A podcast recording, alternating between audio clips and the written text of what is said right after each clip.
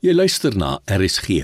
Dis nou tyd vir die aandgedagte, aangebied deur Johan Skoonraad, gemeenteleier by Woester Christen Gemeente. Goeienaand RSG luisteraars, baie welkom by ons aandgedagte. Ek deel graag 'n paar gedagtes met jou oor woorde.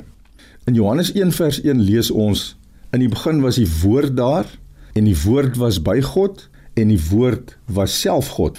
En dan in Johannes 1:14 lees ons Die woord het mens geword en onder ons kom woon. Woorde is dus vir God so belangrik dat hy self sy seun Jesus die woord noem.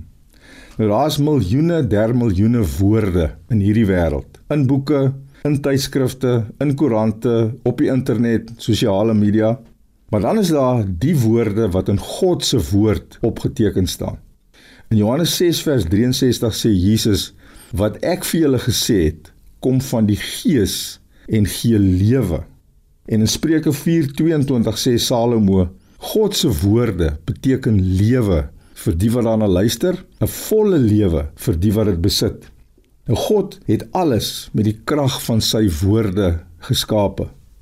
In Genesis 1 lees ons 'n paar keer en God het gesê: "Laat daar wees."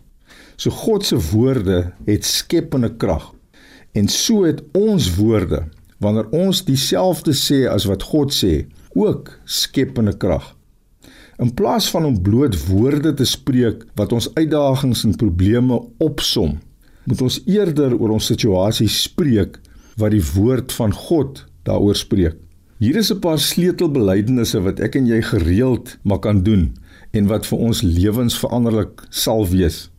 Diegene wat sukkel met vrees, moet sê wat Dawid in Psalm 27 sê: Die Here is my lig en my redder. Vir wie sou ek bang wees? Diegene wat siek is, moet sê wat die profeet in Jesaja 53 sê: Deur sy wonde het daar vir my genesing gekom.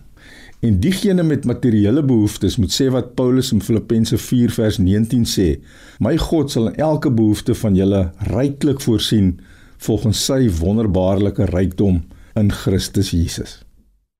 Dit was die aandgedagte, aangebied deur Johan Skoonraad, gemeenteleier by Woester Christen Gemeente.